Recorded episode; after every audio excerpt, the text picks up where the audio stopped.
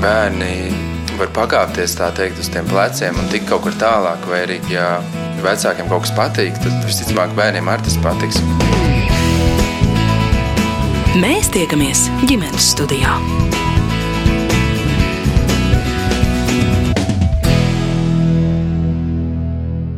Sveiciens ģimenes studijas klausītājiem! Mani sauc Mārcis Notiņš, un es aicinu ciemos pie Jansona ģimenes. Jansona dzīvo Liepājā, un Vāris ir divu meitu tētis. Vecākajai meitai Agnesei jau 28 gadi, un viņa jau vīs savas ģimenes līgstu, bet jaunākajai 13-gadīgai Gabrielai tētis vēl vajadzīgs pēc pilnas programmas, jo ikdienā viņš meitu audzina viens. Nu jau gadu rūpējas arī par 16-gadīgo auģu meitu Adriānu. Meits vērtē, ka tētim labi izdodas, viņas jūtas gan emocionāli, gan arī fiziski aprūpēts. Viens no spēka avotiem, kas saliedē ģimeni un palīdz meitu audzināšanā, ir jaunsardze. Varis Jansons ir jaunsargu instruktors, un meitenes jau no mazotnes darbojušās jaunsardzē. Arī tad, kad bija pārāk jaunas, lai tiktu uzņemtas jaunsargu rindās, bet varēja būt jaunsargiem līdzās kā jaunsargu instruktoru meitas. Tiekamies skolā, kurā Varis Jansons pasniedz arī valsts aizsardzības mācību, jo, kā viņš iepriekš bilst telefonu sarunā, mājās pārāk liela nekārtība, lai uzņemtu ciemiņus, pēc tikko pavadītajām dienām mežā kopā ar jaunsargiem nav bijis laika pievērsties tās sakārtošanai. Sākam sarunu, un Vāris vēl pabrīdina, ka vecākā meita Agnes mazliet kavēsies, bet vispirms es jautāju, ko tas īsti nozīmē būt tētim pēc pilnas programmas. Esmu tētis pēc pilnas programmas 24,7. Ko nozīmē tēcis pēc pilnas programmas? Nu, ir tā, ka es esmu vienīgais šobrīd apgādnieks ģimenē un audzinu viņus visus trīs. Nu, cik no to trešo lielo jau vairs nē, bet jā, nu, tā sanāca. Tāpēc ir pēc pilnas programmas. Cik gadus jau tā ir sanācis? Nu, Gabrielai bija liekas, četri gadi.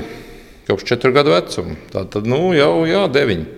Kā jūs to izjūtat, tētis, pēc pilnas programmas? Nu, mazliet vientuļi, ka tikai tētis, bet paldies Dievam, ka ļoti foršs tētis un ir ļoti mierīgi mājās, kā var to teikt. Drosmīgs, tas simtprocentīgi mīļš, vienmēr atbalstīs. Vienmēr sakot, brīnišķīgs tētis. Tāds ir Gabrielas viedoklis. Adrian, ko jūs? Nu, es varētu pateikt to, ka ļoti atbildīgs cilvēks un uh, gādīgs. Liekas, ka ir ļoti liela nasta viņam uz pleciem, kad uh, viņam ir sava ģimene. Un, protams, arī paldies viņam par to, ka viņš arī par mani rūpējas. Tiešām no sirds to novērtēju. Foršs var izklaidēties kopā, var kopā pavadīt laiku, kopā var pasmieties, izrunāties, dos vienmēr padomus, kas vienmēr noder. Un tā. Cik gadus jau par jums rūpējas? Nu, teiksim, gadu. Tā kā jums tā teikt, ar divām meitām nepietika. Ja? nu, kur ir divi, tur trešais nemaz nebūs par nastu viennozīmīgi. Nē, no Adriana īstenībā es jau viņu pazīstu jau no 5. klases, man liekas, man nāca jaunsardzē. Nu, Tad tur tā viss tā peripētī, tas ir garš stāsts, protams, bet um, nonāca viņa bērnamā, un tad es uh, nu, nebiju ar to mierā, ka tā nedrīkst būt. Bērnam jābūt ir bērnībai. Nu, tad mēs kopīgi lēmumu pieņēmām, aprunājoties ar abām meitām, nu, un tad tas tika darīts. Par ko jūs runājāt toreiz ar tēti, atceraties? Mēs runājām par to, vai es jutīšos emocionāli labi, ja būtu vēl kāds cilvēks ģimenē. Un, vai es būtu apmierināta, ka man būtu vēl nu, cilvēks blakus istabā, ar ko varētu parunāties. Tā. Tāpēc es uzreiz pateicu, jā, jo man nav nekādas pretenzijas pret Adienu. Viņa ļoti forša meitene, un esmu priecīga, kad viņa ir pie mums. Bet tā kā bijāt jau savstarpēji pazīstams. Jau jā, mēs tam, bijām. Jā? Viņi par mani rūpējās Jansaka nometnēs, kad, kad teica, man varbūt nevarēja pievērst tik daudz uzmanības. Kā viņi rūpējās? Nu, Viņam pieskatīja, un tur man aizveda uz pusdienām un vakariņām, kuras devu, jo es pat biju sakātrējis, iet jautāt. Un uh, palīdzēja man iekārtoties un iejusties. Un, jā. no tas, ko es dzirdu, ka jūsu tēvs ar jums runā, apspriežas.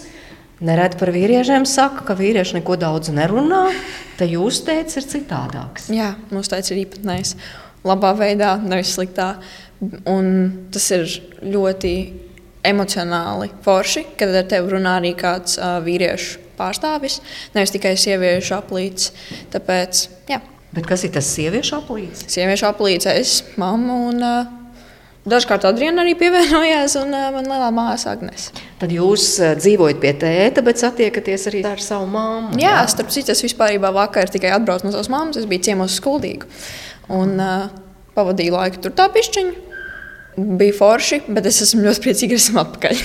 Bet nu, tā tā tomēr netradicionāla izvēle ģimenēs. Parasti jau, ja ģimene šķiras, tad uh, bērni visbiežāk, nu, visbiežāk paliek pie māmas. Pēc jums ir par to stāstījis, kāpēc tā? Nu, es īstenībā neesmu jautājis, kāpēc tā.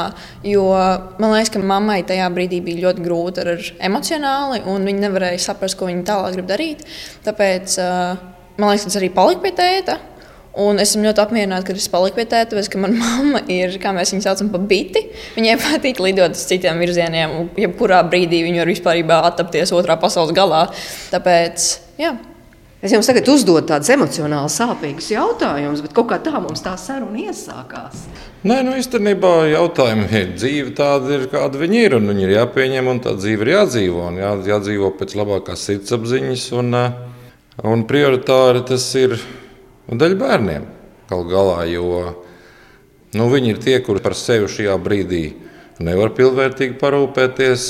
Um, tad līdz ar to ir jāpieņem atbildīgs lēmums. Un, uh, tas jādara. Nu, tā normāli vīrieši droši vien dara. Es tā vismaz domāju. Kaut gan skatoties, kāda notiek brīžiem šeit, pasaulē, tad uh, laikam es tāds kaut kāds retais esmu, varbūt, bet es nesūdzos nemaz. Nu, tas nav tomēr izaicinājums, jo jums ir meiteņu pulciņš. Nu, es īstenībā nemaz nejūtos slikti meiteņu pulciņā. Es esmu pieradis un ar meitenēm, foršām meitenēm īstenībā darbojoties arī ar jaunsargiem. Es brīžiem redzu un novērtēju, ka tās meitenes ir apzinīgākas, meitenes ir izpildīgākas, meitenes ir arī punktuālāks. Džeki bieži vien ir sevišķi mūsdienu jaunatnē. Es nerunāju par visiem, bet nu, lielā daļa nu, ir diezgan tādi, nu, tā kā es teicu, armijā aizsūtīti. Nu, bet tās jūsējās tā ir, ka, kā jūs sakāt, tādas punktuālākas, un mierīgākas un izpildīgākas. Jā, nē, nu brīžiem jau kājas paslīd, nu tomēr ir bērni un 11 gadi un viss kaut kas notiek, tas ir pilnīgi saprotams, bērnība ir jābauda. Bet um, jā, nu, mums ir vēl jau vairāk, jo mēs esam jaunsardzē, mums ir nu, tās nostādnes, ir precizitāte, atbildība, izpildība un tā tālāk. Vēl nu, tā kā augstākā līmenī nekā vidusmēra varbūt.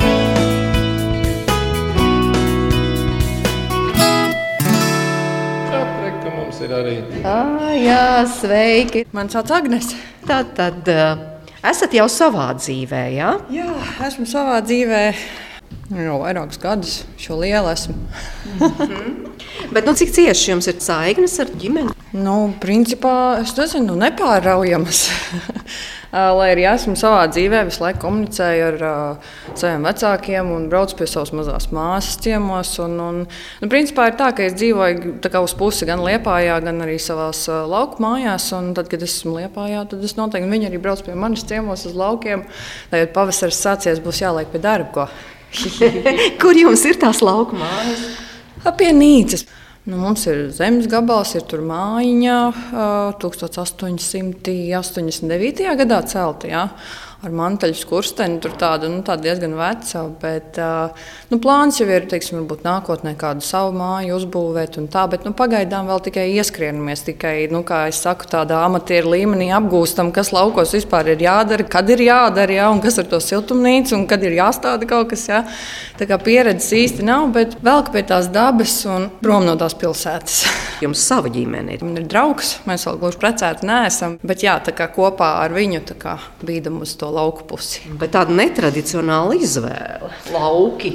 Nu, varbūt arī, jā, nu, man jau ir kā cilvēki arī saka, ka tu tā, tādi jauni cilvēki un uz laukiem, kā kaut kādiem tur kā 40 varbūt sāktu kā vilkt varbūt uz laukiem, bet nē, nu, man tā daba vienmēr sirdī ir bijusi, un mēs paši arī esam Rīgā nodzīvojuši sešus gadus, tad, kad es studēju Rīgā.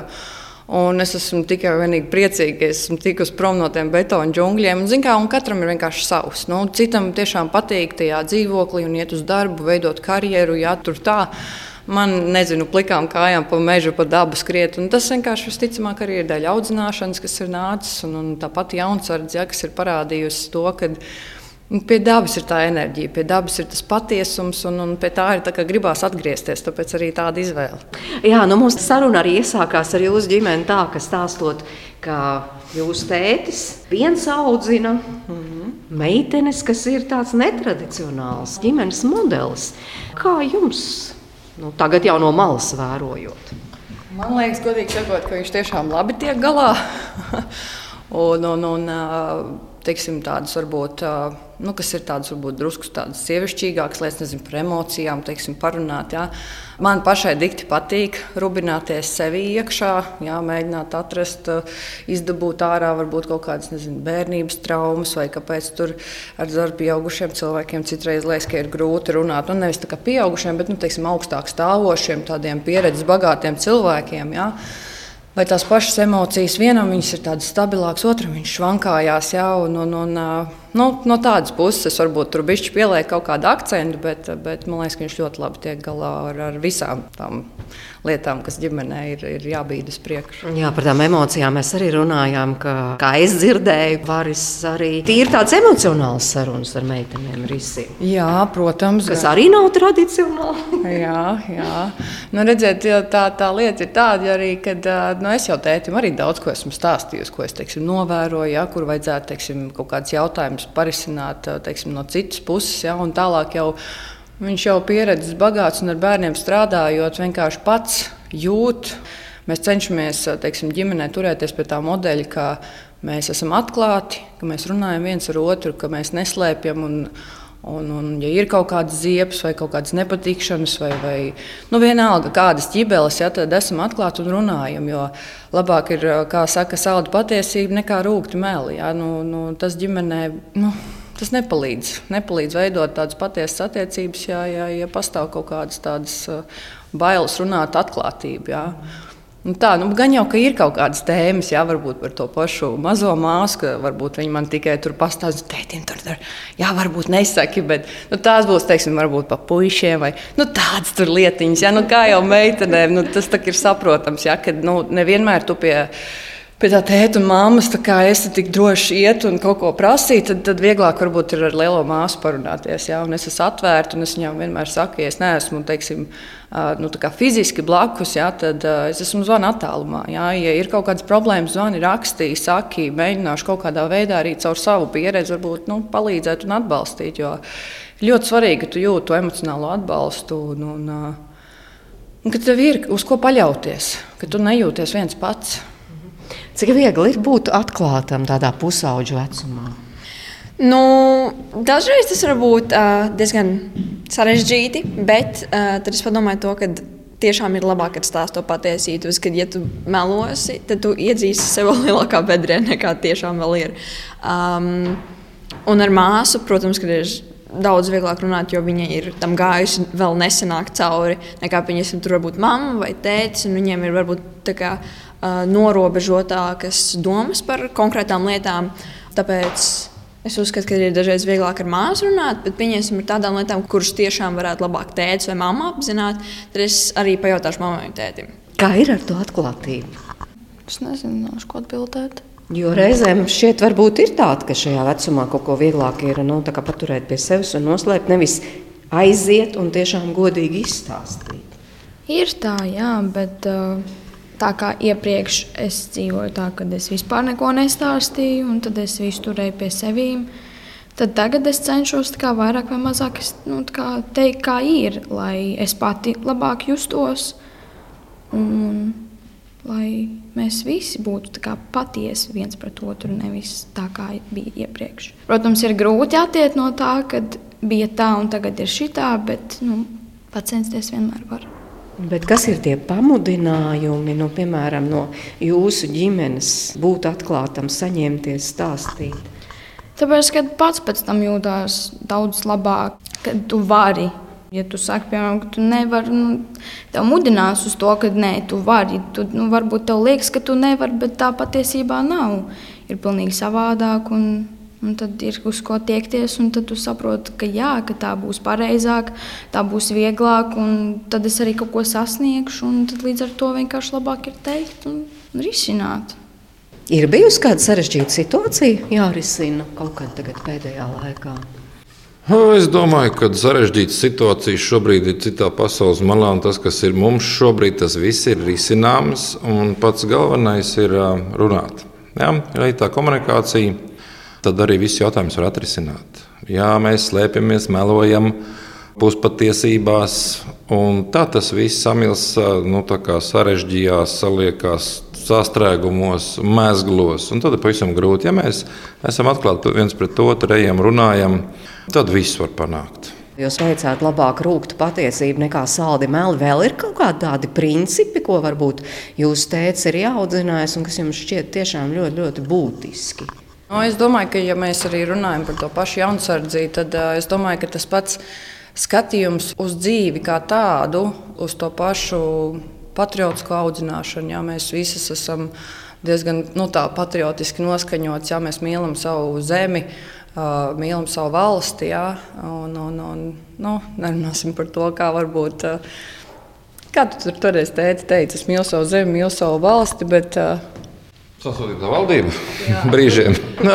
Tāds aforisma veidā, jā, tā varētu būt. Jo, nu, protams, mums ir demokrātija, mēs run, varam runāt par valdību visu, kāda viņi ir, šitāda viņi ir, bet nu, tad vajag pagriezt to mazliet savādāk. Un, Un uh, tie raudātāji, ņaudētāji, kur saka, ka viss ir slikti un uh, ministra prezidents vainīgs un pieņem šādus lēmumus, nu, tad uzjautājiet sev, ko tad es esmu valstī devis, nevis ko prasu no valsts. Jā.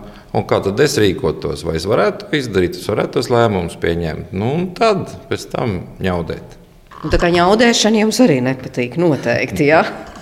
Nē, nu viņš jau ļauj mums arī paņaudēt, un atbalstu, un samīļo, un klēpī var ielīst, tad, kad ir kaut kāds nezinu, emocionāls, varbūt bedri, ne bedri, bet nu, tu varbūt nejūties tik labi kā citā dienā, kad kaut kas varbūt slikts, varbūt neslikts noticis. Ja? Vienalga, pamat, pamatos mēs atgriežamies pie runāšanas, pie komunikācijas, pie stāstīšanas.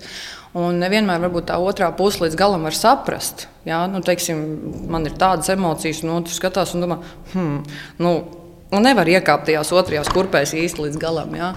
Bet neskatoties uz to, vienalga atbalstīs un uh, varbūt pat vienkārši ja, klusējot. Paņēmis klēpī, samīļos. Jā. Es pat šādi tādu savos aptuveni 30 gadu vecumā ielieku tētim klēpī un saku, viņa besīt, šodien nav laba diena. Jā, pasaka man kaut ko labu papajām galviņā. Jā.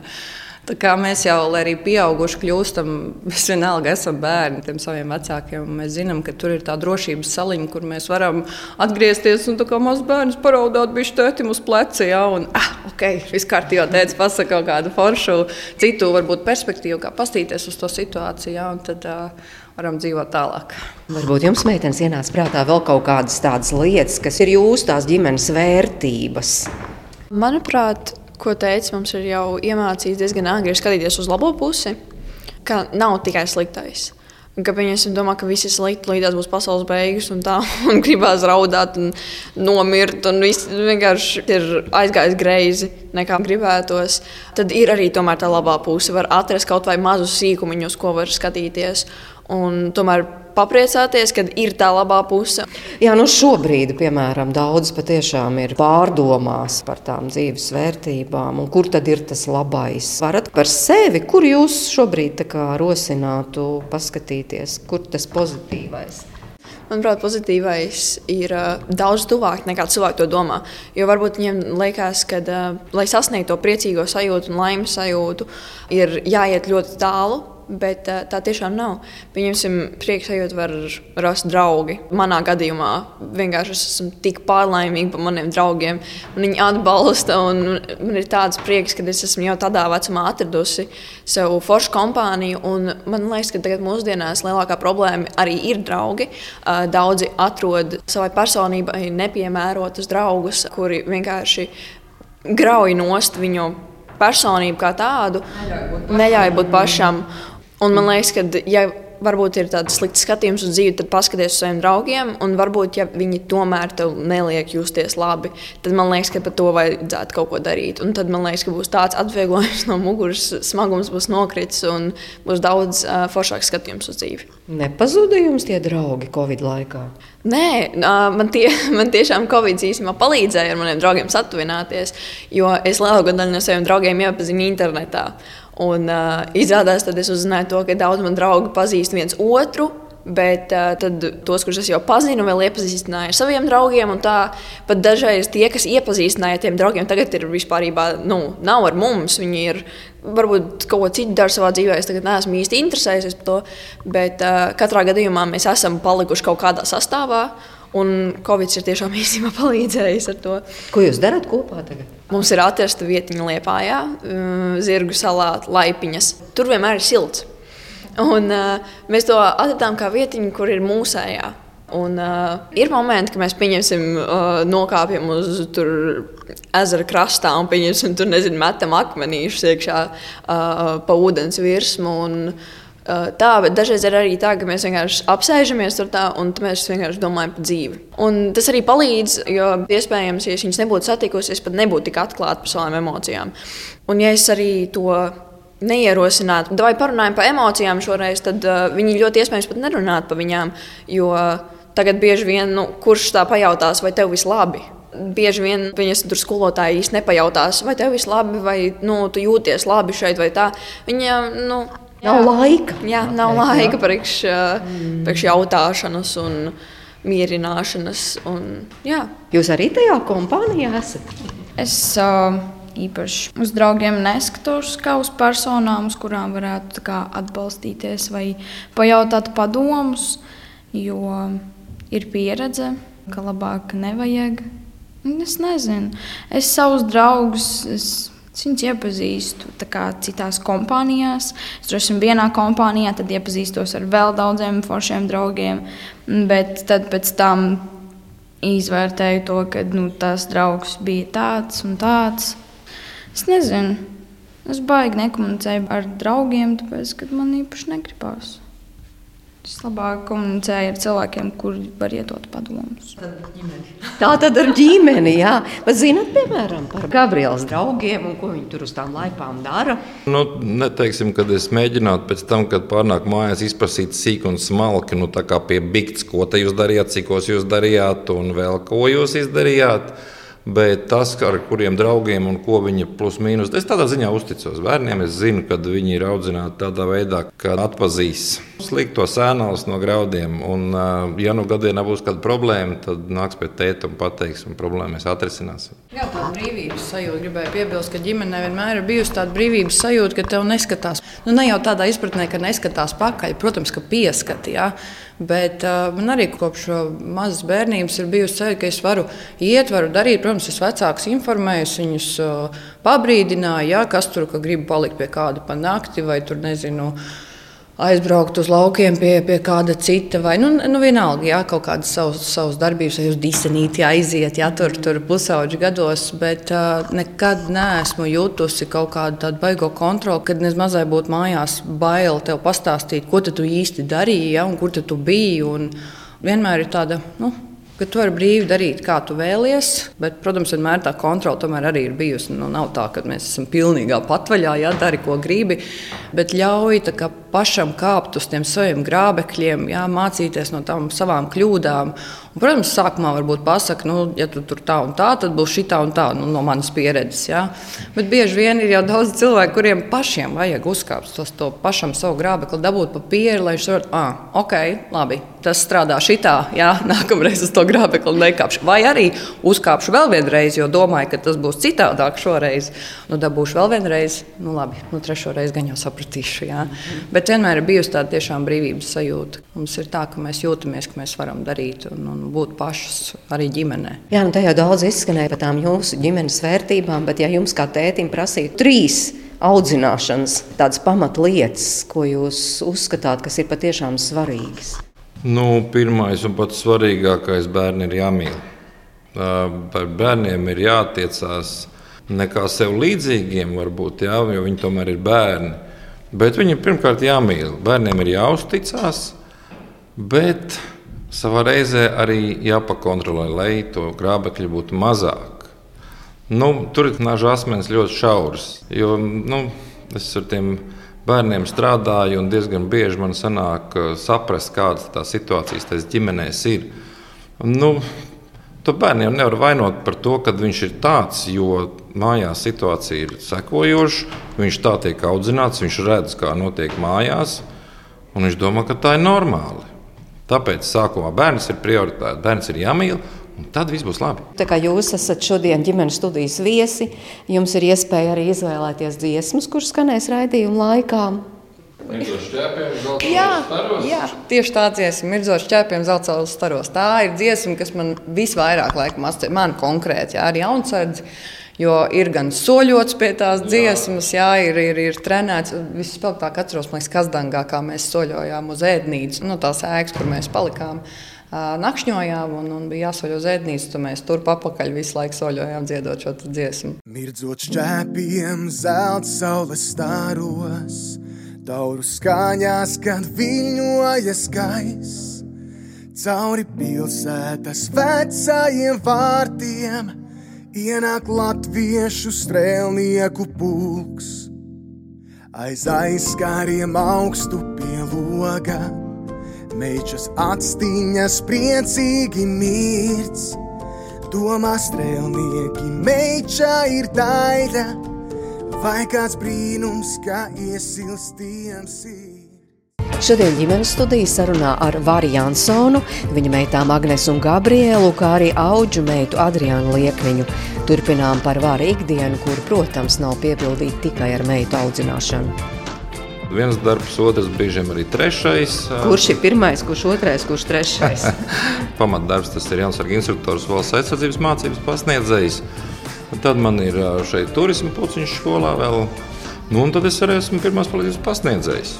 Tie gan darbi šeit pa vakariem vairāk sanāk. Nu tā, un plus vēl tad arī ceturtais kurs augstskolā, tur būs bakalaurs jāizstāv. Nu, mūsu reāli ir jaunsarga instruktors piespiedu, jo mums ir jābūt nu, pēc nolikuma augstākai pedagoģiskai izglītībai. Līdz ar to es šobrīd esmu students Liepājas Universitātes 4. kursā sporta skolotājs. Nu, šajos gados mācīties. Un, mm, ir tā, ir kā ir, bet, kā, kā es teicu, jaunsargiem, jā, skatieties, ko es dēļ jums tagad izciešu. Jā. Es mācos augstskolā tikai tāpēc, lai es varētu būt jums instruktors. Savādāk nevarētu būt. Un jūs te nevarat to izdarīt to un to. Cik tā jums ir gadu? 54. Nu, re, īstais laiks mācīties. Jā, rītīgi. Jā, un līdz ar to arī var saprast, ka sadzīve nav tik svarīga. Jo tad, kad es jums zvanīju un runājām, kur tad mēs tiekamies, jūs teicāt, mājā, nē, nē, nē, nē tur es vispār no meža būšu atbraucis un tur būs liela nekārtība, tur labāk nē. Nu, jā, nu, ir skrejienas, ir brīžiem ir bardaks mājās. Jā, atskrien, nu, nav laika šīs. Nu, tad pa visiem tad, uh, savācam to bardaku, nu, tad atkal taisam nākošo. Nu, es jau gan cenšos tās darbības, to, ko es tur to es arī esmu mācījis, bet nu, vēl līdz galam, protams, nav izdevies. Noliki, palietoju lietu, savāc noliec atpakaļ tur. Nu, pašlaik vēl ir tā, nolika palietoju, nolika tur, paņēmu nākošo, palietoju, nolika čupiņā. Ja? Bet tur ir vecuma posma īpatnības. Ja es tam patinu lenti atpakaļ, mēģinu iekāpt nu, to vecumu čībās, man liekas, ka es tāds pats biju. 11 gados. Es arī tieši tāpat darīju. Piemēram, šajos pusauģu gados, kā man atceros, mamma tēti ienāk istabā un es mazai saku, ka man tur čūskas no gultas apakšas līdz mazai līdīs. Ja? Jo, jo, jo nu, tiešām, kā tēti saka, ir nu, vecuma posms, un tad, kad, piemēram, es esmu jau principā izaugusi, jau pieaudzis cilvēks. Nu, man mājās principā gandrīz vienmēr ir kārtība. Es esmu diezgan pedantisks cilvēks. Līdz ar to tas, ka pusauģa gados istaba ir apgriezta kājām gaisā, nenozīmē, ka tas tā būs arī tad, kad to ies jau savā dzīvē.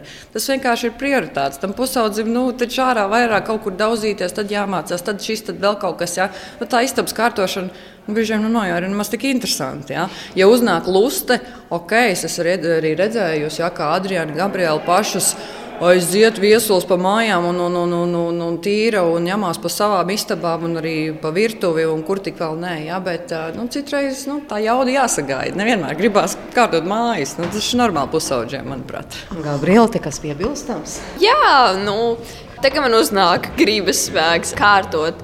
Tad es īstenībā labprāt, es neesmu nekad ievērojis to, ka es kārtotu īstenībā bez mūzikas. Tas tiešām palīdz. Jo tagad, kad tu klausies mūziku, tu aizmirsti to, ka tur ir dari varbūt kaut kas, kas tev nepatīk, un tad tu sāc dziedāt līdzi, un vēl dejot, un tad, uh, tas ir daudz patīkamāks process. Tāpēc, nu, tāpat tās man nevienmēr patīk to darīt, bet, uh, ja es atrodu kaut kādu iemeslu, kāpēc, nu, tad es to izdarīšu. Jā, bet nu, ne jau tikai istabas kārtošana, piemēram, ēst gatavošana. Vakariņas parasti taisa varas, un tad, protams, mēs arī ar Gabiju varam gatavot, ja mēs vēlamies. Mums patīk kopā kaut ko pagatavot īpaši keksiņus, kas viņai visvairāk garšo. nu, ar mani tā, man īstenībā kādreiz ļoti patīk gatavot. Nu, tur vajadzīgs noskaņojums un brīvais laiks. Un tad var arī nu, tur kaut ko īpašu gatavot, cepēšanu un tā tālāk. Godīgi jāatzīstās, pēdējā laikā tas skrējiens ir tāds, ka nu, ir kaut kādi ātri pagatavojamās versijas. Un vēl jau tā problēma ir, ka nu, varbūt es kaut ko arī uzgatavotu, bet tad es ēstu viens pats visticamāk. Un tad dabūt taisīt sev vienu ēdienu, ko es gribētu uztaisīt, un tad otram makarons, trešam rīsam. Nu, Tik daudz man nav spēka un pacietības, tad mēs mēģinām salāgot. Jo tiem pusaudžiem jau tā ēdienu kārta arī ir diezgan īsa. Eksperimentēt ar ēdienu, un nu, šo akviņus pierunāt. Tur ir. Bet mēs pie tā strādājam. Tur ir vēl viena tā lieta atkal par vecumu posmiem. Piemēram, citreiz, ja es aizbraucu mājās, es redzu, paskatos, jau saprotu, oh, skaidrs, tētim ir kaut kāds pirmās palīdzības jāvēlēs vakars. Un es meitenēm saku, uztaisīsim mēs, ka tēvs atbrauc un ir jau gatavs. Jā. Bet es domāju, ka tā iniciatīva viņām pašām arī laika gaitā gan jau radīsies, vienkārši paliekot nu, drusku, drusku varbūt vecākām. Un sliktākā gadījumā, ja tiešām visi noguruši, neviens neko negrib gatavot, nu, uzspiežam pa pogām, pasūtām kādu. Vienkārši, nu, nu, mūsdienās to var izdarīt. Kāpēc gan neizmantot šīs iespējas? Jā, protams, ka ne jau katru vakaru, bet jā.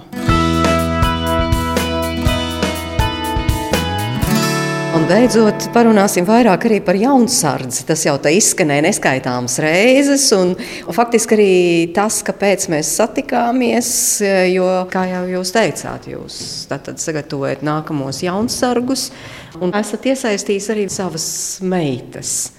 Vispirms par sevi, kā jūs tur nonācāt? Sākums dikti sen jāmeklē, ir 92. gads iestājos zemesardzē. Sākumā tas darbs bija ne ar personāla sastāvu. Nu, tad 99. gads, tad man liktenis piespēlēja citu amatu, es kļuvu par studentu rotas komandieru. Nu, tad, kad uh, atkal bija reorganizācija un mainījās viss, tad man piedāvāja darbu ar jaunsardzu. Nu, tie paši studenti, nu, kas tie paši, tikai jaunsardzi, tikai beigti mazāk. Jā. Un, man jau bija tas iepaticies, tad es daudz nedomādams piekritu. Kas iepatikās? Tas darbs ar, ar cilvēkiem. No malas saka, ka man labi sanākot. Es pats arī jūtu, jo man tas primārais ir tā padarītā darba sajūta, ko es redzu tajos savos audzēkņos. Redzēt, kā no tā mazā izaug normāls džeks un meitene, ja viņš tāds sīgs pintiņš atnāca, te neko neiedz. Un tad, ja es paskatos atpakaļ no studentu bataljona laikiem, tad mani audzēkņi tagad ir ar pulkvežu un pulkveža leitnanta dienestu pakāpēm, bataljonu komandieru šeit pat Liepājā, jā, brigādes virssežants. Daudz tādu ir. Tagad es redzu arī tie, kas ir jaunsargi instruktori. Divi gabali no maniem bijušiem jaunsargiem ir jaunsargi instruktori. Tagad jau tā kā nākošā paudzē es jau smējos, kad es audzinu sev mājiņu, jo es zinu, ko es viņiem esmu iemācījis, kad viņiem var uzticēties, tās vērtības ir nodotas. Un es jau tagad viņu tajā darbībā redzu, ja, kad viņi ir tās mācības ņēmuši vērā. Un... Nu, bet jūs teicāt, tā tādi jaunsargi, tas pats, kas zemesargi, tikai mazāki cilvēki, ja? augumā mazāk un visā citā. Tā tiešām arī ir. Nu, nav ar pieaugušiem tomēr kaut kas cits. Jā, ar pieaugušiem, kur ir pilngadīgi, ir strādāt nu, vieglāk. Jo pirmkārt, jau tīri juridiski viņam ir 18 gadi, tad viņš atbild pats par sevi. Un par šiem, kuri ir nepilngadīgi, un tagad ir nometnē 30 tādi.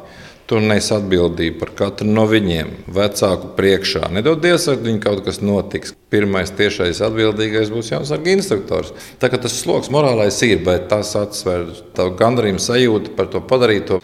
Viss, kas ir slikti, atsver. Nu, kā jūs meitenes iesaistījāt tā labprātīgi, vai tas bija piespiedu obligāti? Nē, mums nekas nav piespiedu un obligāti. Nu, tā vienkārši tas tā pilnīgi organiski, loģiski un dabīgi aizgāja. Tad es braucu uz savām jaunsargu nometnēm. Agnēs bija pirmā, kas man no desmit gadu vecuma sāka vienkārši braukt līdzā.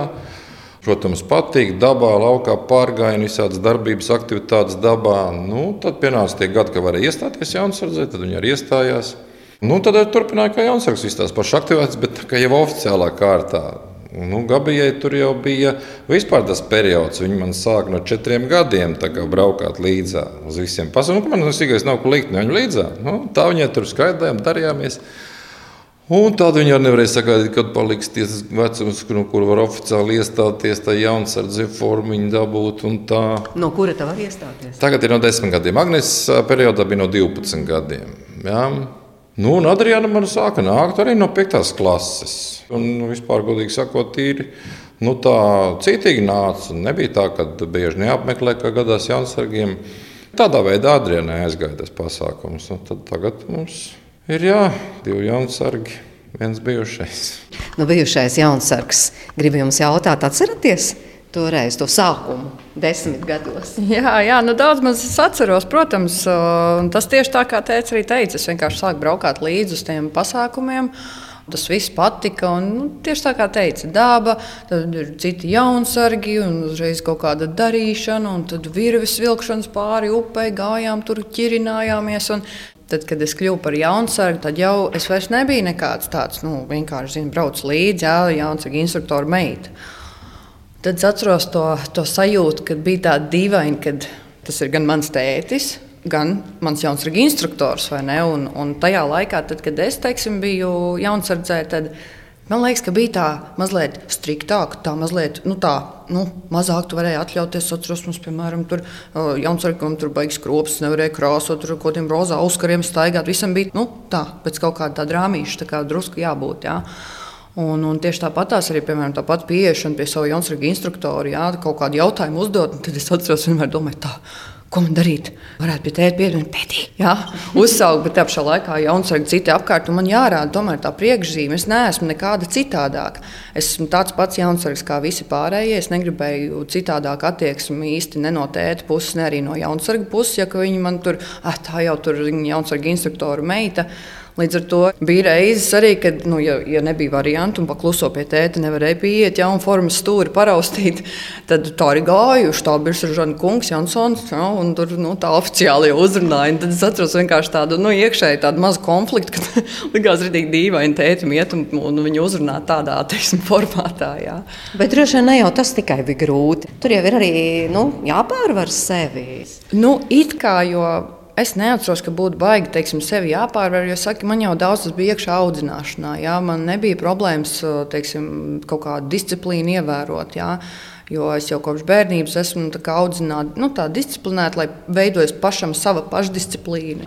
Nu, labi, nu, ko, nu, man zirnekļi nepatīk. Nu, tur mežā bija kukaiņi, jā, bet visādi citādi. Nu, jā, nu, varbūt sacensībās tur ziņ, jāskrien vairāk, bija, jā, vai tur pa upe atceros, tur teiksim, jāpārvar arī kaut kādi šķēršļi. Nu, teiksim, fiziski varbūt grūtāk, bet tā, teiksim, emocionāli man patika viss. Līdz ar to tas bija arī viegli. Gabriela līdzīgi kā māsai. Jā, diezgan izņemot ar tēta uzrunāšanu. Tāpēc, kad uh, es vienmēr esmu bijusi pārāk kautrīga par to, ka es esmu tēta meita un tā. Un, uh, tāpēc man vienmēr ir bijis tā, un, protams, ka es jau to neklēju pa visu tur, uh, nometnes laukumu, bet uh, es vienkārši pieeju un es tā klustā tēties varu pieņemt to un to. Viņam tas jāej.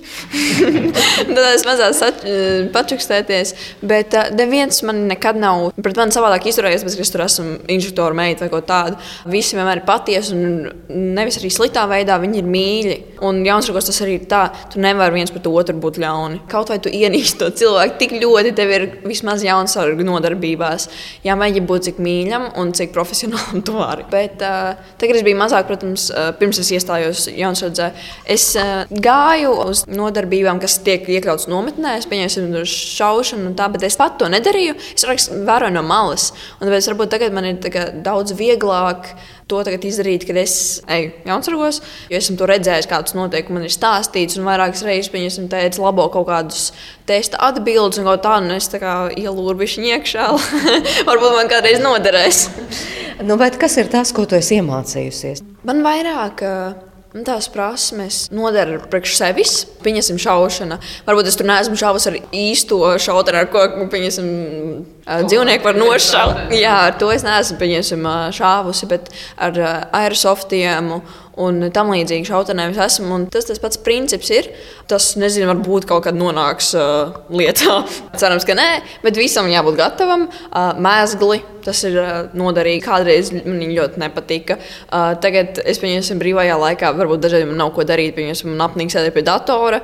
Es vienkārši paņemu tēta mēslu, kas tur kaut kādā stāv. Es viņu atpiņķerē un tad mēģinu. Pieņemsim, ja man kaut kas nesanāk, es aizēju, eju, tēti, kā šī tas bija jāsien. un tad viņš man parāda, un tad mēs pamācāmies, un tad es viņu arī beigās atceros. Kas vēl nodara? Kāpēc ir vērts darboties jaunsardzē? Man liekas, ka uh, tas, ka tu esi komandās, tu komunicē ar cilvēkiem un jūs dalāties viens ar otru ar savām zināšanām. Ja tu, piemēram, nezini to, bet tu zini, ka to māca cits cilvēks, nu, tad jūs sadarbojaties, jūs tur sarunājat, un tad kopīgos spēkos jūs tiekat galā ar visu. Pirmā palīdzība, jo tas ikdienā noder. Ja, piemēram, tev tur draugam slikti paliek, viņš jau tur ģīpst, un tad varbūt tu zinās, kā viņam palīdzēt. Un, tas, ko es gribēju vēl papildināt, ko meitenes teica, ka mēs iegūstam no jaunsardzes, pamatā, manuprāt, tā ir vienkārši tāda arī dzīves pārliecība kā tāda. Ja Gabriela saka, tur, piemēram, tā pati šaušana no ok. Uh, Es tiešām ceru, jā, ka mums nekad šīs zināšanas nebūs jāizmanto, bet tajā pašā laikā zināt, ka šis ierocis ir jāiepleco, kā nomērķēt, jā, kā teiksim, uz izelpu nospiež šo mēlīti. Jā. Tu zini tos pamatprincipus, vai, piemēram, es atceros, kad man tā bija ar loku šaušanu. Ja, kad uh, mēs aizbraucām ekskursijā, un tad bija jāšauj nu, pa mērķi. Ja, es uzreiz automātiski jau ar muskuļu atmiņu nostājos tā, kā vajag, izdaru ja, to kustību, un, un tam instruktoram viņš skatās man un saka, o, te jau redzēja, ka meitene zina, kas ir jādara, kā ir jāstāv. Un ne jau tur zina būt labākam uz citu fona, bet vienkārši pašam par sevi justies labāk. Ja? To pašu pirmo palīdzību mācoties, ja tu zini, tu esi daudz pārliecinātāks par lietām. Vai, piemēram, nezinu, mežā aizbrauc ar draugiem, un, un tu esi mācījies to topogrāfiju, ja tu saproti tos virzienus, tu neesi tā, nu, apmēram, kā saka, trīs priedēs apmaldīsies. Ja, jo nu, tajā pašā laikā, ja tā paskatās, varbūt ne visi mani draugi, bet nu, ir bijušas situācijas, ja, ka mēs teiksim, izējām līkumus tur, tur mežā šiku, šiku, šitā. Un tad es mazliet pagāju, uz kuru pusi mašīna, un es uz viņiem skatos un saku, nu, bet jūs nopietni. Jūs, nu, es pilnīgi ar savu iekšējo kā, kompasu vienkārši jūtu, man ir daudz grūtāk apmaldīties tajā mežā. Ja? Es jūtos vienkārši pārliecinātāk ja, par visādām lietām, vai to pašu, ko nezinu, kaut kādas lamatas veidot. Nu, nedod Dievs, tev tagad nezinu, jāiet mežā dzīvot. Ir, ja? Tu spēj sev pabarot, tu spēj uguni iekur, tu spēj uztaisīt vietu, kur gulēt. Jā, ja, piemēram, ir ziemas, atceros, ah, vienu šo pārgājienu, atceros, mēs gājām pāri mm, Liepājas ezeram, tas bija ziemā. Un es biju maziņš, cik man te bija gadi, tu atceries? Nu, redz, aptuveni jā, 10, 11 gadi, nu, pilnīgs taču vēl sīcis. Jā. Un ārā bija mīnus 11 grādi. Un gājām pāri tam ezeram, un tā, un es atceros, mēs kurinājām nu, principā, visu dienu tādu lielu, garu ugunskura. Jā, ugunskura. Nu, tad viņi kā, ar laiku nodzēs, tur palika oglīs, viņam lika vēl pāri visu kaut kādus materiālus. Jā, mēs principā gulējām kā, apsildāmajā gultā. Jā, un, kā, visādas tādas lietas, kuras varbūt cilvēks, kurš nav gājis jaunsardzē, viņš neaizdomāsies līdz tam. Jā. Man liekas, ka jauns ar ļoti daudz ko iedod, pārliecinoši pamatu iedod, kā dzīvot tālāk. Nu jā, var, jūs jau teicāt, ka jūs redzat, kā tie jaunieši mainās. Tie, kur atnāk pie jums un pēc tiem pāris jaunsardzes gadiem, faktiski citi cilvēki. Jā, nu, tas, ko meitenes reku stāstīja, ko tā jaunsardze viņām ir devusi, un tas jaunsardzes mērķis jau īstenībā tāpat kā valsts aizsardzības mācības mērķis nav nekādā gadījumā ražot topošos karavīrus. Ja? Tas ir iedot pamatu jaunietim, lai viņš jūtās pārliecināts par sevi un drošs apkārtējā vidē. Kādreiz liela daļa no šīm lietām zināja jebkurš puišels, jā, ceļš tie, kas no laukiem ir, jā, visu mācēja, bet tagad tie jaunieši šīs lietas nezina. Viņiem ir pavisam citas prioritātes, un tas laikmets vienkārši ir cits. Un pie tās dabas atpakaļ reāli nonākot situācijā, kad tu esi mežā, ka tev jāiekur ugunskurs vai ēst jāpagatavo lauka apstākļos uz ugunskura. Ja? Nu, bērni šīs lietas nezina. To esmu saskāries nu, līdz smiekliem pat, ja, kad aizbraucam un taisam tagad um, nodarbību pārtiks sagatavošanu, cīkiem jāmizo kartupeļu. Mm -mm. Ņem šitā to kartupeli, tā kā burkāni. Viņš nekad mūžā izrādās nav kartupeli mizojis. Nerunājot par citām lietām, kā pareizi ugunskura iekot, kādu ugunskura veidu. Tas sagatavo to jaunieti tam, lai viņš varētu būt drošs ārpusē dabā, nezinu, arī pilsētas džungļos tā skaitā. Ja? Tā kā tas primārais nav tas militārais, bet tas tam visam nāk līdzi.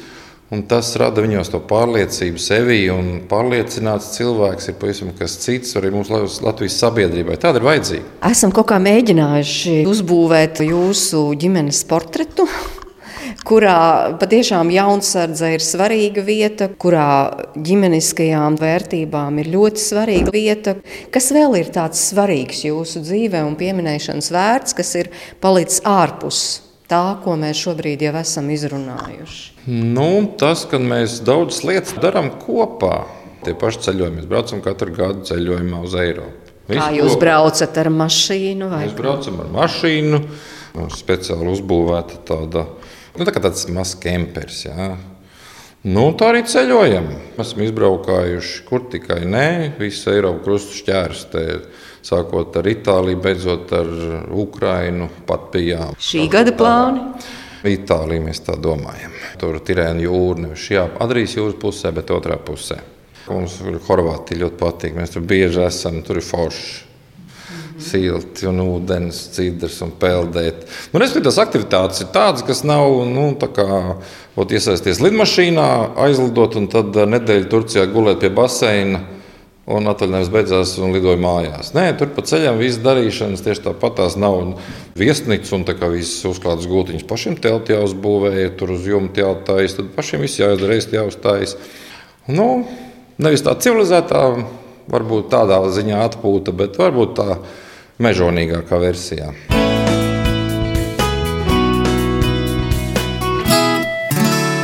Pieliekot punktu sarunai ar Jansonu ģimeni, vienojamies arī, kāda dziesma varētu skanēt raidījuma izskaņā. Ja ir kaut kas, kas mums varētu visiem kopā patikt, ko mēs klausāmies pa ceļam, Latviešu grupa The Soundpoets kalniem pāri, tāda rītīga ceļojuma dziesma, jo to mēs esam pat dungojuši līdzi, jo, nu kā, braucot uz to pusi, tur vairāk kalnēns, un mēs braucam tiem kalniem pāri, ja.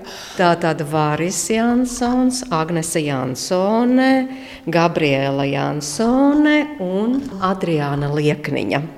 Paldies par sarunu. Saku, es Mērķis Notiņu, un, protams, arī visa ģimenes studijas komanda, gan mūsu producenti Ilza Zvaigzne, gan Girds Bišs, kas sameklē mums vienmēr tās dziesmas, ko jūs pasūtat, gan arī Nora Mitspapā. Viņa mazliet pielabos mūsu sarunu, lai labi izklausītos. Nu, tā kā paldies jums un paldies visiem, kur klausījās. Paldies. Jā, paldies, paldies. un lai jums laba diena tālāk.